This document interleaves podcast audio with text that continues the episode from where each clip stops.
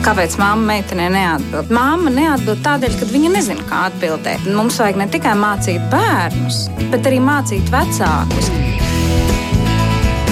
Mēs tiekamies ģimenes studijā.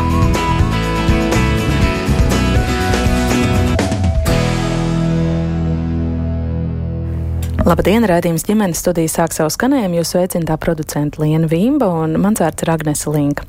Pat labi, valsts aizsardzības mācība jau ir ieviesta 186 skolās, kas to iekļāvuši savā mācību saturā brīvprātīgi. Savukārt no nākamā gada 1. septembra šis mācību priekšmets būs realizējams vēl ap 300 skolās visaptveroši un visā Latvijā. Jau vairākus gadus par to runājam. Kāda tad ir šī brīža gatavība valsts aizsardzības mācības ieviešanai? Ieviešanai no nākamā mācību gada visās Latvijas skolās un kā šobrīd veicas ar tam nepieciešamo pasniedzēju, jeb jaunsardzes instruktoru piesaisti. Par to šodien runāsim. Nosacīti jau lāču plēša dienas, tādās kā noskaņās un gaidās. Runāsim ģimenes studijā un sarunas dalībnieki būs jaunsardzes centra direktors Pulkvedis Aivis Mirbaks. Labdien! Labdien!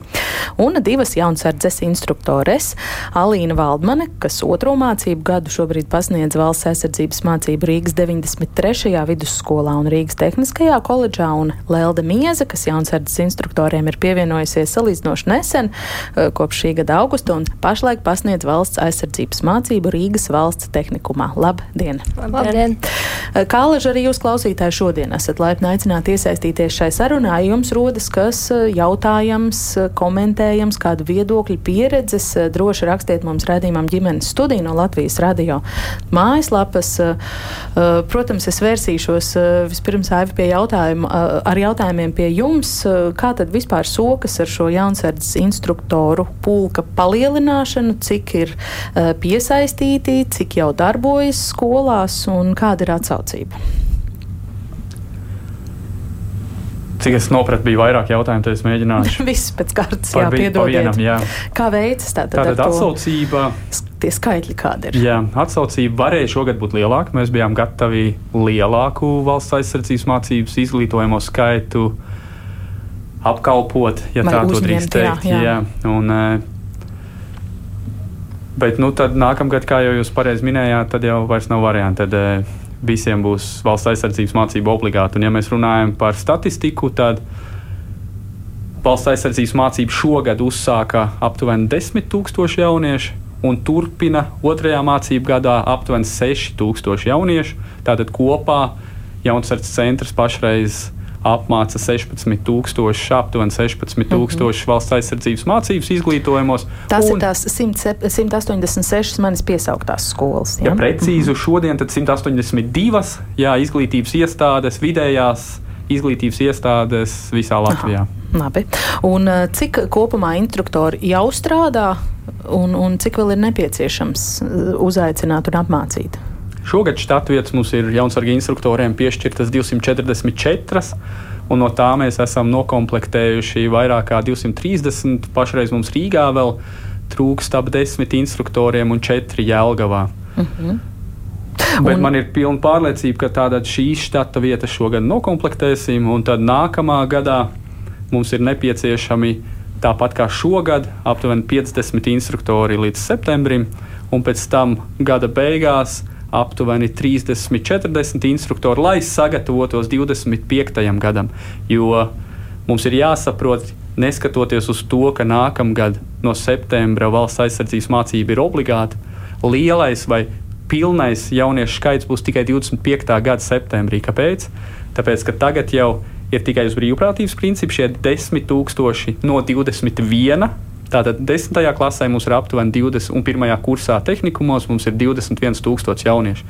Tad šie 21,000 uzsāks nākamgad, plus tie 10, kas šogad uzsāk, tātad 31, bet tie 42 būs 25. gada 42,000, būs 25. gada septembrī. Mhm. Tagad tāda skaitļa burzma izveidojās. es gribētu saprast, cik, cik jaunsardzes instruktori jums vēl ir jāpiesaista eh, kopumā, lai nākamā gada septembrī tā sekmīgi varētu iesākt šī priekšmeta pasniegšanu visās Latvijas skolās. Aptuveni 40. 40 cilvēki vēl, Jā. ir, vēl, mhm. vēl ir nepieciešami. Eh, kādas ir prasības vispār, lai kļūtu par jaunsardzes instruktoru un vai tas ir uzsākts? Sasaukums un aicinājums tikai jauniešiem vai dažādu vecumu ļaudīm? Dažādu vecumu. Tātad jaunsardze centrā mums ir ļoti izlīdzināts dzimums, aptuveni 50 uz 50, gan vīrieši, gan sievietes šeit šodien studijā. Tikai divas meitenes, kā jūs redzat. Un tad vecuma ziņā arī mēs esam diezgan eh,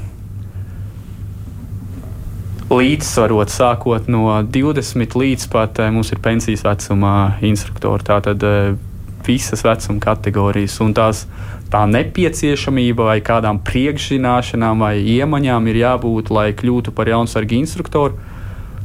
Vidējā izglītība. Visu pārējo mēs iedosim. Tātad augstskola, jaunsardzes centrs apmaksās, un kvalifikācijas kursus jaunsardzes centrs apmācīs. Tātad e, tikai vēlmē jābūt. Cik ilgi jāmācās? Un kas tad tiek mācīts īsti? Jā, jāmācās tātad, ja mēs par izglītības prasībām runājam, augstākā pedagoģiskā bakalaura. Un mēs tagad strādājam pie uh, valsts aizsardzības mācības un jaunsardzes likuma grozījumiem, lai panāktu to, ka ir tiek paplašināts šis lokus, ka ne tikai pedagogi, bet uh, aizsardzības ministrs nosaka nozarei atbilstošu izglītību. Tātad precīzi vēl tagad nevar definēt, kur tie būs sociologi, vēsturnieki un tā tālāk.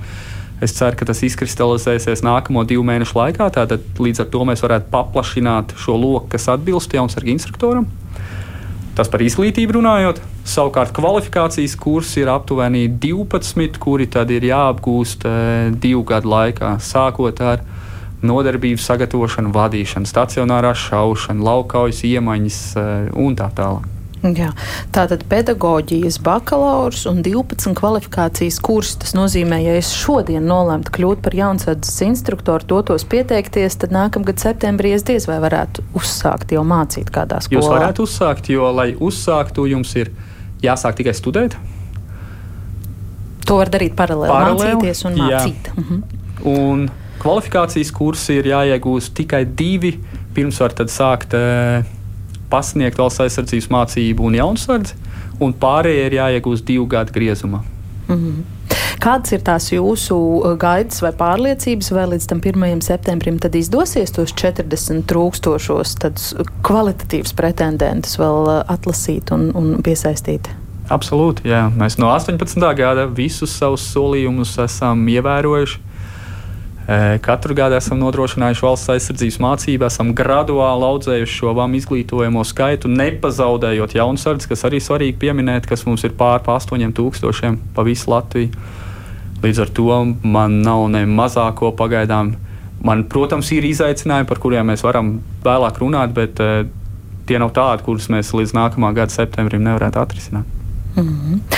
Un, nu, kāda tipa cilvēki, kādas nezinu, sociālās grupas nāk un piesakās? Kas vispār kļūst par jaunsardzes uh, instruktoriem? Jūs teicāt, ka visdažādākā vecuma, abu dzimumu cilvēki. Un tieši to pašu es varu teikt arī par iepriekšējo pieredzi. Tā ir tik plaša, ka nav statistiski iespējams pateikt, šī ir tā kategorija, uz kuru fokusējamies. Mēs, piemēram, veicam reklāmas kampaņu, tūlīt jau būs trešo gadu.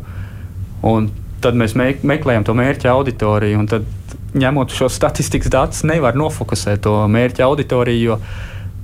Tik dažādas un bagātas tās pieredzes ir. Es jums varu nosaukt dažus piemērus. Nu, NMP, mums interesantāk, jā, jā. NMPD šoferis. Uh, draugas pārdevēja, sporta laboratorija un kas tik mums, kas tik mums nav par profesijām. Pedagogi, atvaļināts militāra personas un tā tālāk. Bet, kā jau teicu, ja mums būtu jā, tāds top 3 jāizveido, ne statistiski tik izšķaidīts tās profesijas, ka nevaram nofokusēt uz tādām trijām top 3. Mm -hmm. nu, bet ieprieciniet mūs, jūs taču neņemat visus pretī. Jūs noteikti atlasāt diezgan kritiski. Kas ir tie atlases kritēriji? Atlasē. Tātad, kā šodien, piemēram, kamēr mēs šeit runājam, notiek kārtējā atlase, ir pieteikušies seši kandidāti. Parasti jau tad, kad viņi atnāk uz šo pirmo atlases kārtu, mēs iepazīstinām vispār ar to, kas būs jādara. Tātad parādām noslodzi, parādām nākamā darba grafiku. Parasti no šiem sešiem, divi jau vairs nenāk uz otro kārtu paši. Un tad tie četri, kas paliek uz nākamo kārtu, tad e, tos jau mēs sākam sijāt. Parasti no tiem četriem mēs divus nepaņemam. un tad tie divi ir tie, kas paliek. Un no tiem diviem pusgada vai gada laikā viens paliek. Tātad tāda aptuveni ir tā statistika. Mm -hmm. Un kas ir, tie, eh, kas ir tie iemesli, kāpēc tos divus tajā otrajā kārtā jūs atsījāt? Visdažādākie. Vai nu mums nav pārliecība, ka viņš varēs vadīt valsts aizsardzības mācības un jaunsardzes nodarbības, jo jaunsardzības instruktors, kas arī jāsaprot, es citreiz tā kariķēju, ka tas ir tāds astoņkājs, un to meitenes varēs apstiprināt. Ka jaunsardzības jaunsarga instruktors pasniedz gan valsts aizsardzības mācību, gan jaunsardzes, kas ir interešu izglītība un kur jāpasniedz ne tikai nodarbības, bet jāvada pasākumu un nometnes. Jaunsarga instruktors ir arī tas, kas uztur savu nometni un organizē, e, noliktavu un organizē materiālu tehnisko līdzekļu apriti, proti, proti formu stērpu izsniegšanu. E, tad tur tas jaunietis kaut ko nozaudējis. Tad tu zvani mammai, prasi, kur tas ir palicis. Tad ir līgumi jāsastāda par šiem jaunsargiem, jāievada e-klasē un jāievada DVS un tā tālāk. Tātad, ja kādam ir ilūzija, ka jaunsarga instruktora amats ir ļoti vienkāršs, tie parasti ir tie divi, kas jau pēc pirmās atlases kārtas paši aiziet projām. Tad e, tā nav. Jaunsarga instruktora amats ir e, patriotisks, ļoti sirdis ildošs, bet tai pašā laikā ļoti plašu kvalifikāciju pieprasošs. Un atbildību arī liela, vai ne? Nu, Spēks visur, kur ar jauniešiem un bērniem strādā, visur ir, manuprāt, milzīga atbildība. Jā. Mm -hmm. Mentens pievērsīšos eh, jums. Gribu jautāt droši vien eh, Alīnai vispirms, kā jūs eh, kļuvāt par valsts aizsardzības mācības mācīt spēku instruktoru? Kāds bija tas ceļš? Man vienmēr gribējās kaut ko ar militāro sfēru saistītu. Bet um, pēc vidusskolas nobijos no aizsardzības akadēmijas, aizgāju studēt pilnīgi kaut ko citu, pastrādāju tur. Ko, ja nav noslēpums? Sporta zinātnes, mm -hmm. aizgāju praksē uz sporta laboratoriju.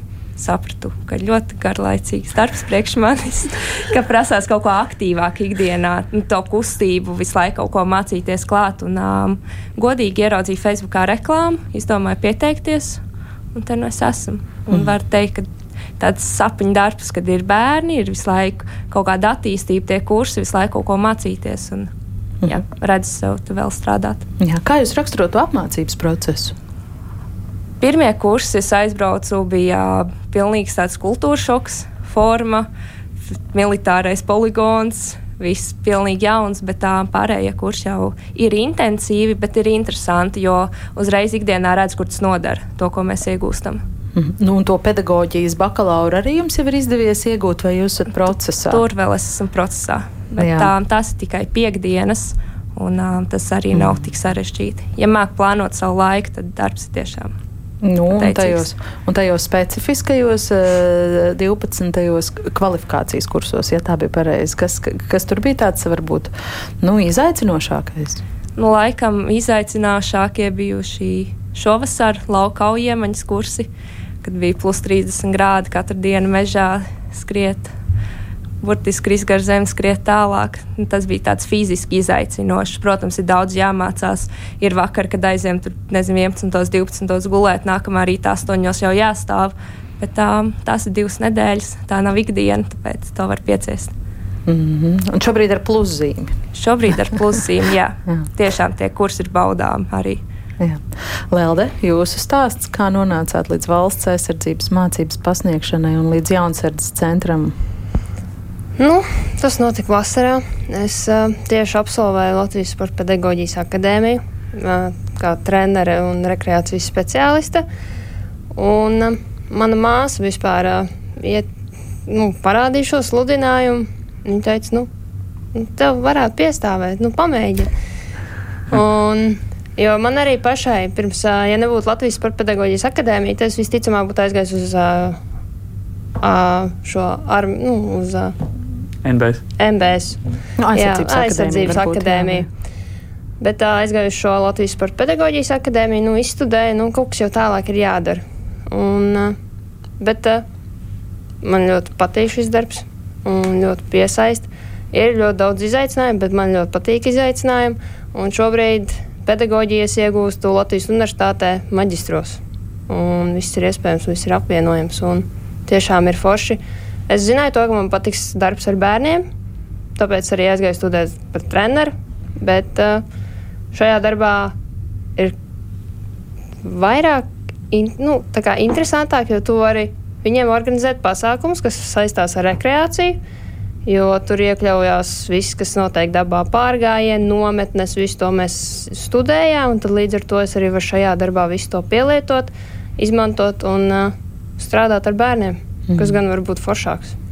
Bērni ir ļoti aktīvi, attraktīvi, apbrīno dažus un tiešām lielisks darbs. Un kursi. Esmu bijusi vienos kursos vasarā, tieši augustā. Uh, tiešām sākumā arī bija liels izaicinājums, bet ar savu gribas spēku un ar saviem mērķiem, lai panāktu, nu, vienkārši ej un dari. Un, ja tev tas patīk, tad nekādas problēmas nesagādā. Un vēl ir tiešām forši kolēģi, kuri palīdz. Un viss ir draudzīgi un atbalsta viens otru kā vien var. Jā. Es gribu pavaicāt, kas uzrunāja tajā konkrētajā Facebook sludinājumā. Viss ir atmiņā saglabājies. Viss, viss ka viņi, viņi gan tev nu, sniegs šo atbalstu, kad uh, arī ļaus studēt paralēli Jo mūsdienās ir ļoti grūti apvienot darbu ar studijām. Tas ir uh, daudz kur pierādījies, bet uh, ir arī studiju laikā ir arī jāstrādā, nu, lai pelnītu savu iztiktu. Un, nezinu, nu, viss tas raksts piesaistīja, nu, viss, viss tas kopums, viss, mm -hmm. viss, viss. Vai jūs varat arī paraksturot no savas puses to apmācību procesu? Augustā aizbraucu pirmo reizi biju. Es esmu bijusi vienreiz Latvijā, mums bija nu, netālu no Alūksnes militārā poligona, Alsviķos, Strautiņos. Pirmo reizi, te, nu, varētu teikt, otro reizi bija tajā galā, nu, tā kā Latvijas tajā galā. Un, protams, militārais poligons uzreiz jau galvā bija kā, nu, viss kaut kas. Bet uh, realitātē viss bija citādāk. Un, uh, Man no kā nebija jābaidās. Viss, viss bija draudzīgi, viss nāca pretī. Nākošie tev kādi jautājumi vai kaut kāda nesaprašana, tad, tad uzdod viņiem, viņi tev atbildēs. Jo nu, tur bija arī pieredzējošākie instruktori, vai nu arī viņiem bija pieredze kaut kādā militārā jomā, un tad viņi palīdz izskaidrot, un tad tev ir lielāka skaidrība. Mm -hmm. Vai jūs varat arī pastāstīt, nu, kāds tagad ir šis eh, darbs? Eh, Lelda saka, strādāt ar bērniem, strādāt ar bērniem. Jūs pašas esat eh, jaunas meitenes, un patiesībā, labi, Lelda vada arī jaunsardzes pulciņu, tā ir varbūt vēl blakus lieta, bet runājot tieši par valsts aizsardzības mācību, nu, jūs taču patiesībā strādājat ar vidusskolēniem, kas ir jau lieli pusauģi. Kāds ir tas darbs? Kas tajā ir tas pozitīvais? Varbūt ir arī kāda garoziņa. Man laikam, sākot strādāt, bija bišķiņa bail, ka mēs esam gandrīz vienaudži. Bet uh, es iegāju formas starpā, uzreiz ir tas respekts. Nav tā, ka parastais skolotājs ieiet bez formas. Tāda garoziņa varētu būt tā, kad nākās dažreiz piestrādāt pie tādu psihologu, risināt viņu savstarpējās problēmas, risināt varbūt kaut kādas konfliktus, kas viņiem rodas, nezinu, starp mani un viņiem, vai jā, viņiem savā starpā visbiežāk. Tā ir tāda garoziņa, kas ir jāuzklausa tie bērni, jo viņi nāk un runā. Nu, jā, nu, droši vien tur jau arī tās pedagoģijas zināšanas jā. ir vajadzīgas, un tāpēc arī tās pedagoģijas studijas jums tiek prasītas. Jūs jūtaties kā tāds īsts skolotājs, ka jūs ieiet tajā tai skolā iekšā pie tiem vidusskolēniem? Jā. Tas, jā. Nu, tā visa pasniegšana ir atkarīgs no tevis. Nu, kā tu viņiem pastāstīsi, kā tu pasniegsi, cik viņiem nu, tad arī viņi dos pretī to. Gan to attieksmi, gan to cieņu, arī viņi, ja viņiem interesantāk pastāstīs, tad viņi vairāk arī iesaistīsies tajās nodarbībās. Nevis atnāks uz pirmo stundu un pēc pirmās stundas jau aizies mājās. Un, jo viņi arī sākumā viņiem arī liekas, nu, kam vispār to mācīt, nu, priekškām, bet uh, tā ir dienas otrā daļā, kad jau sāk praktiski pielietot.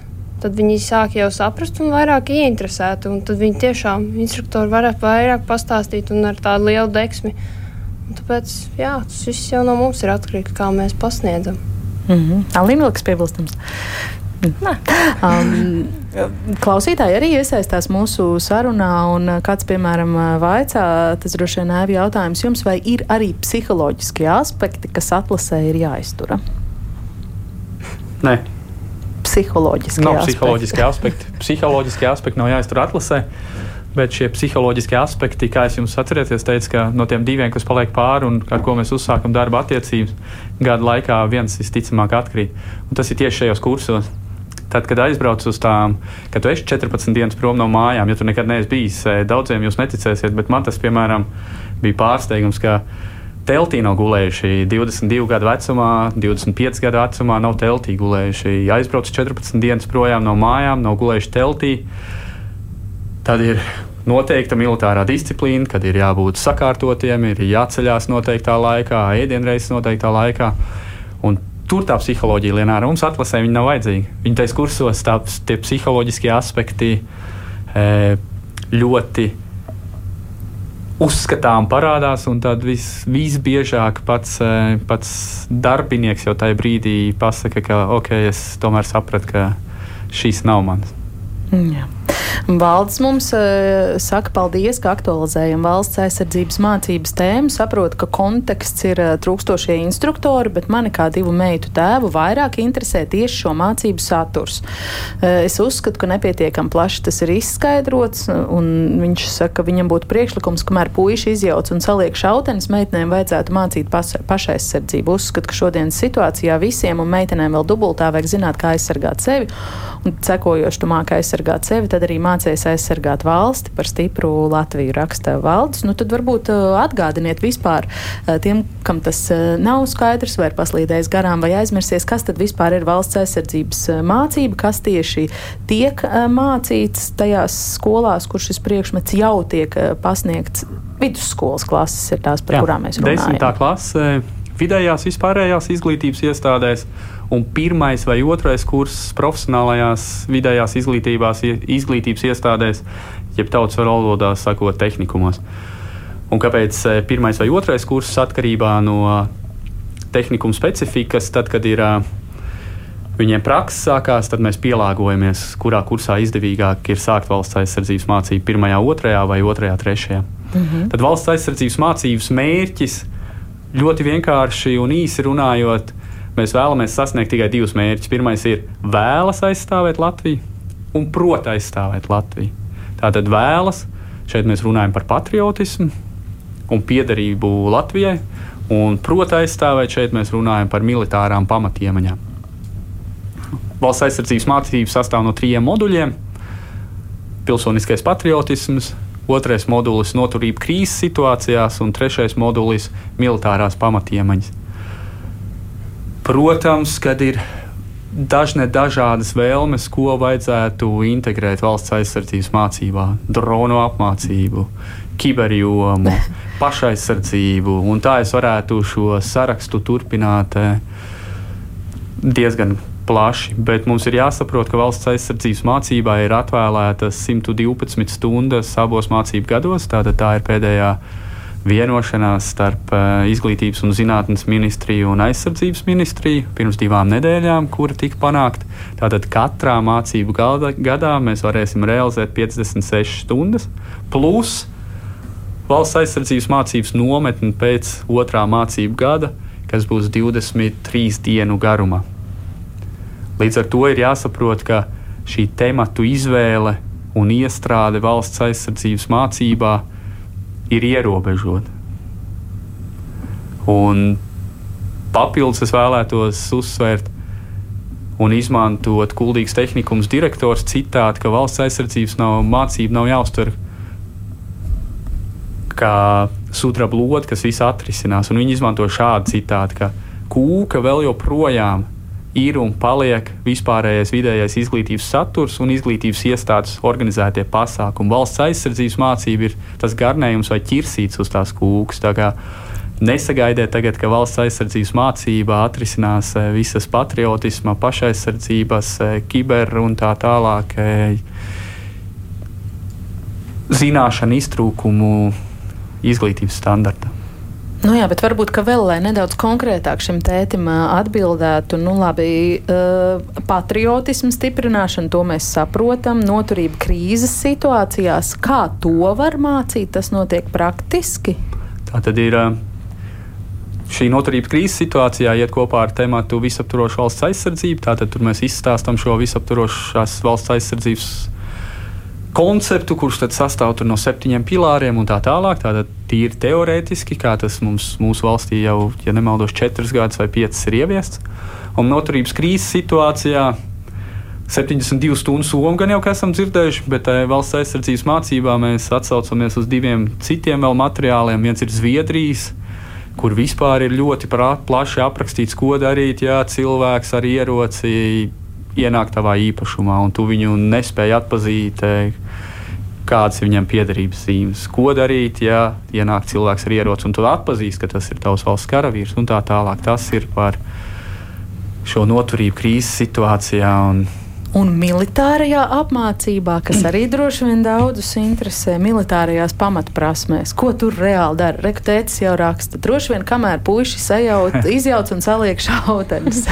Nē, tur e, tur ko mēs vēlamies nošķirt? Mēs vēlamies nošķirt šo padomu laiku domāšanu, no, kas bija militārajā mācībā, no valsts aizsardzības mācības. Mēs mēģinām ļoti, kā jau tikko minēja instruktors, ļoti praktiski pieiet.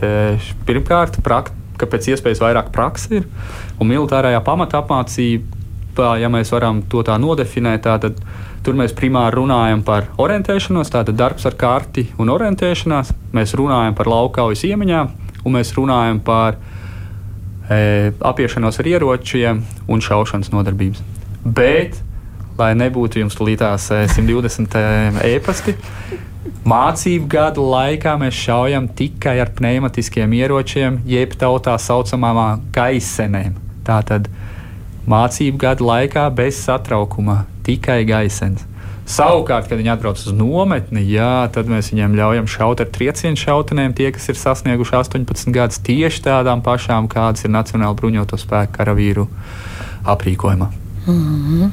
Meitenes, varbūt kaut kas vēl piebilstams vai akcentējams uh, par to praktisko, nu kā tas uh, tieši darbs viss ir organizēts ar, ar uh, jauniešiem. Kas viņus visvairāk interesē, vai kas viņiem vislabāk patīk, vai kas ir visgrūtāk? Mācot nu, tieši militārās pamatprasmes? Visvairāk noteikti interesē ieroču apmācība. Nu, tas, ko esam ievērojuši, tad acis iemirdzās, kad jā, beidzot ir ieroči, ka beidzot ejam laukā šaut. Tas viņiem tiešām interesē, tur viņi arī ieklausās. Visgrūtāk man personīgi viņiem ir ar ierindu jo tur ir uzreiz disciplīna, jāstāv tā, nekā savādāk, telefoniem jābūt noliktiem malā, rokas tur, un ar to viņiem iet grūti jauniešiem. Jā. Bet jā. ieroči ir tas tops, kas mm -hmm. viņiem patīk. Velda? Nu, man ir šogad pirmais mācību gads valsts aizsardzības mācībā. Līdz tai šaušanai vēl neesam līdz tikuši. Šaušanai jā, mēs vēl neesam tikuši. Tas mums ir uh, vēl vēlāk. Priekšā, jā. Šobrīd mums bija septembrī, mēs mācījāmies ierindu. Tur ir kā kura grupa. Bija grupa, kas tiešām mēs teicām pat ar, ar, ar instruktoru, kas, kas arī sadarbojās, nu, kolēģis, kurš arī strādā šajā skolā. Viņš teica, nu, šo grupu jau varētu sūtīt jau tālāk, jau šie jau būtu gatavi jau militārajā parādē. parādē jau. Ir, protams, skolnieki, kuri, nu, jā, viņi tur saka, jā ir labi, izdarīsim. Tad mums bija oktobrī, mums bija maskēšanās, viņiem bija jāizmanto maskēšanās krēms. Tas viņiem tāds sākumā, ak, Dievs, kā tas ir jāliek uz sejas, kā tas ko, kāpēc. Bet tad, kad viņi uzlika, tad viņi visi tik azartiski, visi tādā adrenalīnā. Mēs iesim pa skolu staigāt ar šitām, ar šādām maskēšanām, ar maskēšanas krēmu. Un šobrīd mēs uh, viņiem mācām orientēties, Un, tas arī viņiem aizrauja.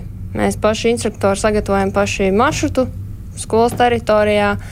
Visus kontrolpunktus sagatavojam. Pirms tam viņiem izstāsta teorija, vispār, kas, kas ir karte, kas tur ir vispār atrodams un viss vis nepieciešamo informāciju. Un tad otrajā dienas daļā viņi iet praktiski darboties. Viņi, visu, viņi man sākumā saka, ka instruktori drīkst iziet vienkārši ar kājām, vienkārši apmeklēt kontrolpunktus. Pienāk tas brīdis, kad sākās orientēšanās, viņi visi skrien pa skolas teritoriju. Nu, tādā azartā, nu, tāpēc, jā. ļoti interesanti, jā, jo es aizdomājos. Jā, droši. Jā. Ja gadījumā ir radies stereotips, ka meitenēm nepatīk tie ieroči, tad uh, mūsu novērojums ir pretējs. Piemēram, valsts aizsardzības mācības nometnēs. Ja mēs skatāmies tādus, mēs tur arī tādus labākos mēģinām atlas, atlasīt un apbalvot uz nometnes beigām. Pēdējos gados tieši meitenes ir bijušas top 3, tā kā meitenēm galīgi nav arī nekādas izaicinājuma ieročiem. Un nav tā, ka meitenes, ka būs ieroču apmācība. E, kā citā nodarbībā būs un tikai zēni šaus. Nē, visi iet šo apmācību pilnīgi nešķirojot mhm. dzimumu. Mm -hmm. Bet, nu, teiksim, tie tētā akcentētie pašaizsardzības paņēmieni, kaut kas tāds arī ir, kaut kādas tādas fiziskas nē, lietas. Ne valsts iekļauts. aizsardzības mācībā, nē. Nekas no tā, jā. Um, nu, jā. Es iedomājos, Rīgas valsts tehnikums taču ir šepat netālu no mums. Uh, no vecrīgas, uz vecrīgas eh, robežas, tā teikt, blakus Nacionālajam teātrim, kur tad, eh, kur tad jūs tur varat eh, skriet ar to kārti un kur to šaušanu mācīsieties? Viņiem ir uh, otra uh, skolas ēka. Filiāli. Um, filiāli uh, Dārciem ielā 70. Un tad ir tur teritorija, kur viņi var visu apgūt, gan ierindu, gan orientēšanos, jo tur tiešām ir skola. Nu, tur ir tā kā mežiņš, mm es teiktu, tā nu, kaut kā tāda vide stāvlaukums, kur autostāv, nu, autostāvlaukums, kur mēs mācāmies ierindu. Un, jā, viņiem tur pat ir tā tāda pļaviņa, pat tur basketbola laukums. Nu, tur ir tāda plašāka teritorija, bet šeit centrā jā, mēs neko nevadām. Mēs braucam uz turienes to mm. otro. Nu, nu, pirmo otro ģimnāziju tie Basteikalnā maršēs. Otrajā gimnājā mēs konkrēti arī šogad bijām novada pārvaldes vadītāji lai tieši apskatītos, kur būs šīs nodarbības vietas. Jo tas man ir jāatzīst, ka it sevišķi Rīgā ir izaicinājums ar nodarbības vietām, un tad mēs esam vienojušies ar Rīgas domu, ka mēs drīkstam arī izmantot Rīgas parkus. Saskaņojot to ar pašvaldības policiju, tātad mēs norobežojam šo konkrēto vietu un tur šaujam. Un, ja galīgi mums nebūs e, e, vieta šai skolai, kur realizēt praktiskās nodarbības. Tad tagad mēs esam Rīgas novada pārvaldes viena daļa ir pārcēlusies uz Ciecers ielu, tad vai nu mēs runāsim ar konkrēto izglītības iestādi, ka uz turieni jaunieši tiek eh, transportēti, un tad mēs tur veicam to apmācību. Un vēl mēs esam dialogā ar Rīgas domu, ka varētu, kas ir šīs apkaimes Rīgā, tad eh, kādās trijās, četrās apkaimēs tādu bāzes skolu vai bāzes vietu mums piedāvāt, kur tad jauniešiem, kuriem šeit centrā tiešām citreiz eh, ir grūti ar šo teritoriju, tad uz turieni, uz šo bāzes vietu viņi tiek transportēti vai paši aizbrauc vienalga. Tur tad jau detalizēti mēs vienotos, un tad tur notika tā nodarbība. Mm. Es ātri atgādināšu, ka jā, ģimenes studijā mēs šodien runājam par valsts aizsardzības mācību, kas jau ir eh, ieviesta 180 eh, drusku vairāk skolās Latvijā, bet no nākamā gada 1. septembra tiks realizēta vēl ap 300 eh, skolās visaptvaroši un visā Latvijā. Un sarunā šodien ģimenes studijā piedalās Jaunsardzes centra direktors Pulkvedis Aivis Mirbachs un divas Jaunsardzes instruktors Alīna Valdmana un Lelde Mieze. Vai no nākamā gada, kad tātad šis skolu areāls paplašinās. Uh, un, un valsts aizsardzības mācībai jānorit ir visās skolās programmas saturs un plāns kaut kā mainās, jo pēdējā laikā mēdījos izskan tieši pēdējā mēneša uh, laikā šīs ziņas, ka Jaunsverts centrs vēlas lielāku skaidrību par to, kas tad būs ir stīvēšanās starp aizsardzības ministriju un izglītības ministriju, un kādu brīdi nevarēja vienoties, vai 140 stundas, tagad ir 112 stundas. Atvēlētas šim mācību priekšmetam, kā jūs teicāt, uz pusēm tātad dalot 56 mācību stundas vienā mācību gadā un, un pēc tam nākamajā. Mm, Kā, kā tad šo mācību uh, priekšmetu ieintegrēt esošajā mācību apjomā, vai to darīt uz citu mācību priekšmetu, kaut kāda samazinājuma, vai skolēnu slodzi palielināt, vai varbūt pat ir izskanējusi versija par mācību gadu pagarināšanu. Mm, komentāru par šo ģimenes studiju lūdzu arī aizsardzības ministrijai, un uh, to mums sniedz aizsardzības ministrijas parlamentārais sekretārs Atis Švinka. Paklausīsimies arī viņa teiktajā. Es gribētu teikt, ka pagājušajā nedēļā bija ļoti saturīga un veiksmīga aizsardzības iekšlietu korupcijas novēršanas komisijas visaptverošās valsts aizsardzības apakškomisijas sēde, kur diskusijās šī vienprātība tika panākta, ka tiek salāgots nu, tas apjoms un, un arī saturiskais. 2024. gada 1. septembrī valsts aizsardzības mācība visās skolās sāksies. Tur vēl laikam ir līdz galam jāizsver, pēc kāda moduļa, cik liela autonomija tiks dota skolu direktoriem par šo lemt. Skolu direktoriem būs diezgan liela autonomija. Un tas arī varbūt ir labi, ka skolas direktori ir tie, kas vislabāk zina, kā salāgot un kā plānot mācību gaitu. Un vēl jau tomēr ir ļoti būtiski, ka šobrīd 186 skolās jau realizē valsts aizsardzības mācību brīvprātīgi. Ja, tas tomēr arī dod kaut kādus secinājumus, kā to visu var izdarīt. Un patiesībā šajās skolās jau ir pēc 144 eh, stundu programmas. Nu, tas arī parāda, ka tas ir iespējams. Protams, ir bažas kādas stundas un uz kā rēķina tas būtu. Bet nu, arī mēs kopīgi runājām, ka tomēr STEM mācību priekšmetiem vai latviešu valodai jau nu nebūtu tiem, kas būtu nu, jāskatās kaut ko kā mazināt. Vēl kas ir ļoti būtiski, ja, ka mēs visi runājām, ka e, droši vien būs pārējais noteikumos. Mēs e, iestrādāsim divu gadu tādu pārējais posmu, kur tiks izvērtēts. Un tad arī varētu pēc diviem gadiem jau precīzāk zināt gan stundu apjomu apjomu, gan arī varbūt saturiski kaut ko piekalibrēt. Jo jāsaprot arī, ka paralēli mums ir valsts aizsardzības dienests. Pirmais iesaukums tikko ir 1. jūlijā bijis, otrais iesaukums 1. janvārī. Mums ir jāredz, kādas prasmes, kompetences jauniem cilvēkiem ir nepieciešams. Jo kopīgā drošības šajā arhitektūrā izglītības kompetenci pievienošanas arhitektūrā ir arī valsts aizsardzības mācība. Un pēc valsts aizsardzības dienas mēs varētu redzēt, kas tad ir vairāk vajadzīgs, kāda tā sagatavotība ir vajadzīga. Nu, kas ir ārkārtīgi būtiski. Tāpēc eh, galvenais ir šobrīd palaist šo procesu un tad jau pēc diviem gadiem skatīties un precizēt, eh, kā mēs savus mērķus un uzdevumus arī, arī sasniedzam. Un es arī gribētu teikt paldies Jaunzēras centram, ka viņi meklēja un atrada tomēr šo iespēju, ka arī ar 112 stundām mēs pilnvērtīgi varētu šo valsts aizsardzības mācības programmu palaist. Es negribētu varbūt teikt, ka tur ir kaut kas uh, pilnībā nogriezts. Tas ir uh, patiesībā meklēts tās iespējas, kā šo pašu mērķu un uzdevumu sasniegt. Šo stundu skaitā piekrītu, tas ir ļoti izaicinoši. Tas uh, būs instruktoriem šis uzdevums tādā koncentrētākā veidā darīt. Un arī Mirbaha kungs pareizi minēja, ka nu, šis ir tas minimālais stundu skaits, kurā šo programmu tomēr varētu realizēt. Mhm. Vēl par to skolu vadības autonomiju lemt par šī priekšmeta tiešām realizāciju, kā tas katrā skolā tiks ieviests.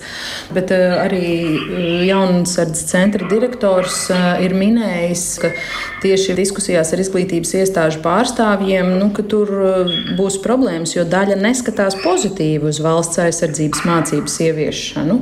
Piekrītu. Jā, es domāju, ka šīs bažas ir ļoti labi, kad mēs eh, nu, liekam galdā un apzināmies, ka šie būs dažādi riski. Ja mēs eh, skolas ir dažādas, un, protams, šeit parādās šīs bažas un izaicinājumi, kā to darīt. Un es domāju, gan, gan, gan eh, Jaunzēdzes centrs ir ar savu gatavību, gan arī izglītības sistēma, izglītības ministrija, arī pašvaldības un skolas piekrīt, ka visiem šis būs arī izaicinošs laiks šī programma pilnvērtīgi tiktu ieviesta un, un sasniegt savus mērķus un uzdevumus.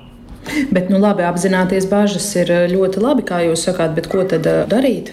Ja nav šī vienotās izpratnes par to, ka tas būs, ir svarīgi. Es domāju, ka katrā situācijā būs uh, arī savi risinājumi, un es esmu pilnībā paļaujos uz uh, speciālistiem, uz uh, instruktoriem. Viņi būs apmācīti un pieredzējuši. Es domāju, arī jaunsardzes centram ir milzīga pieredze vadot jaunsardzi un motivējot jauniešus. Arī jaunieši ir dažādi. Šajos procesos mēs saprotam, ka daudzi jaunieši tieši kļūst par patriotiem, ieinteresējās par, par uh, valsts aizsardzību un daudz pēc tam saista savu, savu nākotni arī ar nacionāliem bruņotiem spēkiem vai zemesardzi. Savā ziņā valsts aizsardzības mācība ir ar šādu mērķi šo iepazīstināšanu veikt. Tas, ka eh, jaunieši ir dažādi, skolas ir dažādas, pašvaldības dažādas, to visu apzinās šos riskus un, un izaicinājumus. Bet, eh, piedodiet, mans jautājums bija par to skolu vadību, motivāciju un izpratni, cik tas ir svarīgi. Nu, instruktori droši vien nebūs tie, kas motivēs skolu direktorus.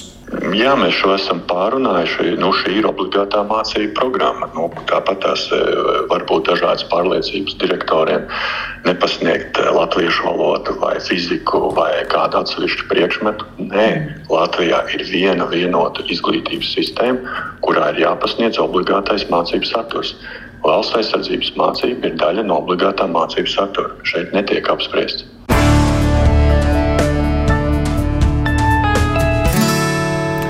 Tālāk aizsardzības ministrijas parlamentārais sekretārs Atis eh, Švinka. Paldies eh, viņam arī par eh, komentāru. Varbūt kas piebilstams pie dzirdētā, jo, kā jau es pirms tam jautāju, jā, par to, ka jaunsardzes centrs vēlas lielāku skaidrību par valsts aizsardzības mācību plānu ieviešanu, vai tagad jums tā ir, un vai tā stīvēšanās ap tām 144 un tagad 112 stundām, nu, vai jūs varat piekrist, ka tas būs pilnvērtīgi, vai tomēr mums priekšā ir tādi nu, divi pārējas vai varbūt nosacīta eksperimenta posma gadi. Jā, es piekrītu jūsu pēdējam jautājumam, pēdējā daļā. Jūs jau ietvērāt eh, atbildi, manuprāt. Tagad teorētiski simulāciju veicot, varu teikt, ar 112 stundām pietiek. Bet vai tā tiešām ir to praksa rādījis? Tātad mums ir, diemžēl, tagad pirms obligātās ieviešanas. Tagad tas pilotu projekts būs jāveic, būtu labāk, ja mēs to būtu veikuši saulaicīgāk. Bet ir kā ir. Nav ko skatīties tieši atpakaļ, tā, jā, tā galvenais, tad, kas būs uz priekšu. Tieši tā, tātad nākamgad ieviesīsim 112 stundu modeli. E, tieši tāpat kā mēs darījām pilotu projektā 18. un 20. gads, katru ceturksni veikt pārskatīsim ar izglītības iestādēm, ar instruktoriem, ar valsts aizsardzības mācības nodaļu un jaunsardz centru veiksim labojumus, un tad pēc gada pusotras jums varēšu jau precīzāk atbildēt uz šo jautājumu. Un tieši šīs bāžas dēļ, jau kā parlamentārais sekretārs minēja, valsts aizsardzības mācības un jaunsardzes likumā mēs vēlamies iestrādāt punktu, ka pēc diviem gadiem aizsardzības ministrijai ir tiesības pārskatīt vai aicināt izglītības un zinātnes ministriju pārskatīt eh, šo stundu apjomu. Pirmā, pirmā atbilde un otrā, otrais pār izglītības iestādēm, kuras varbūt varētu pretoties. Tad Jaunsvaru centra plāns ir sazināties ar Latvijas pašvaldības savienību. Mums ir bijusi ļoti laba sadarbība līdz šim, aicinot izglītības iestādes pieteikties brīvprātīgi valsts aizsardzības mācībai. Un paldies visām tām 128, kuras to ir darījuši līdz šim. 182. Jā, liekas, jā. Tad mēs eh, caur Latvijas pašvaldības savienību šo platformu vēlreiz uzrunāsim izglītības iestādes, kuras pašreiz nav pievienojušās valsts aizsardzības mācības realizēšanai, un mēģināsim tad eh, vai nu tiešsaistē vai klātienē ar viņiem satikties, lai izrunātu tās bažas, kuras varbūt vēl pastāv un atbildētu uz jautājumiem. Un nemainīgi, kā to mēs esam darījuši katru gadu, mēs nākamgad aprīlī atkal organizēsim valsts aizsardzības mācības semināru aizsardzības akadēmijā, kur mēs visas vidējās izglītības iestādes aicinām piedalīties šajā seminārā kur mēs iepazīstinām, kāda ir programma, no kādiem moduļiem sastāv, kāds ir jauns argi instruktoru prasības, liek viņa tarifikācijā, neliek tarifikācijā un tā tālāk. Visus šos praktiskos jautājumus, lai noņemtu visas šīs bāžas no galda un nākamā gada septembrī uzsākt valsts aizsardzības mācību visajās vidējās izglītības iestādēs. Mm -hmm. Vai starp šīm 182 skolām, kurās jau brīvprātīgi tiek realizēta valsts aizsardzības mācība, vai ir eh, kāds cipars arī varbūt jums eh, zināms, cik liela daļa no tām ir tādas, kur agrāk krievu, krievu mācību valoda ir bijusi galvenā? Piemēram, ja mēs skatāmies uz Latviju, Daugopilī 70% visas vidējās izglītības iestādes ir uh, realizē valsts aizsardzības mācību. Jā, jā. Reizeknē tieši tas pats, tā kā šādu gradāciju nevaram veikt. Mhm. Tā, ko es varu statistiski pateikt, ka profesionālās izglītības iestādes, jeb tehnikumi, jau tagad 92% no visiem realizē valsts aizsardzības mācību. Tagad, tas ir tas pozitīvais stāsts, ka tehnikumi ir primāri mūsu labākie klienti Un tad eh, tāda gradācija starp eh, tautībām, jeb eh, kādā valodā skolā ir runājuši, nevarētu es tādu novilkt. Mm. Vai vecākiem ir kaut kur iespēja ar šo mācību plānu, ar valsts aizsardzības mācības saturu iepazīties? Jaunsver centrs, centra mājaslapa un valsts izglītības satura centra mājaslapā, kur ir šī akreditētā valsts aizsardzības mācības programma, bet vēl uz 140 stundām. Un tagad, eh, tāpēc, ka šis lēmums par 112 stundām vēl ir karsts, tāpēc eh, precīzas nodarbības vēl nebūs. To mēs turpinām izstrādāt. Tās būs līdz gada beigām vai vēlākais nākamā gada sākumā. Mm -hmm.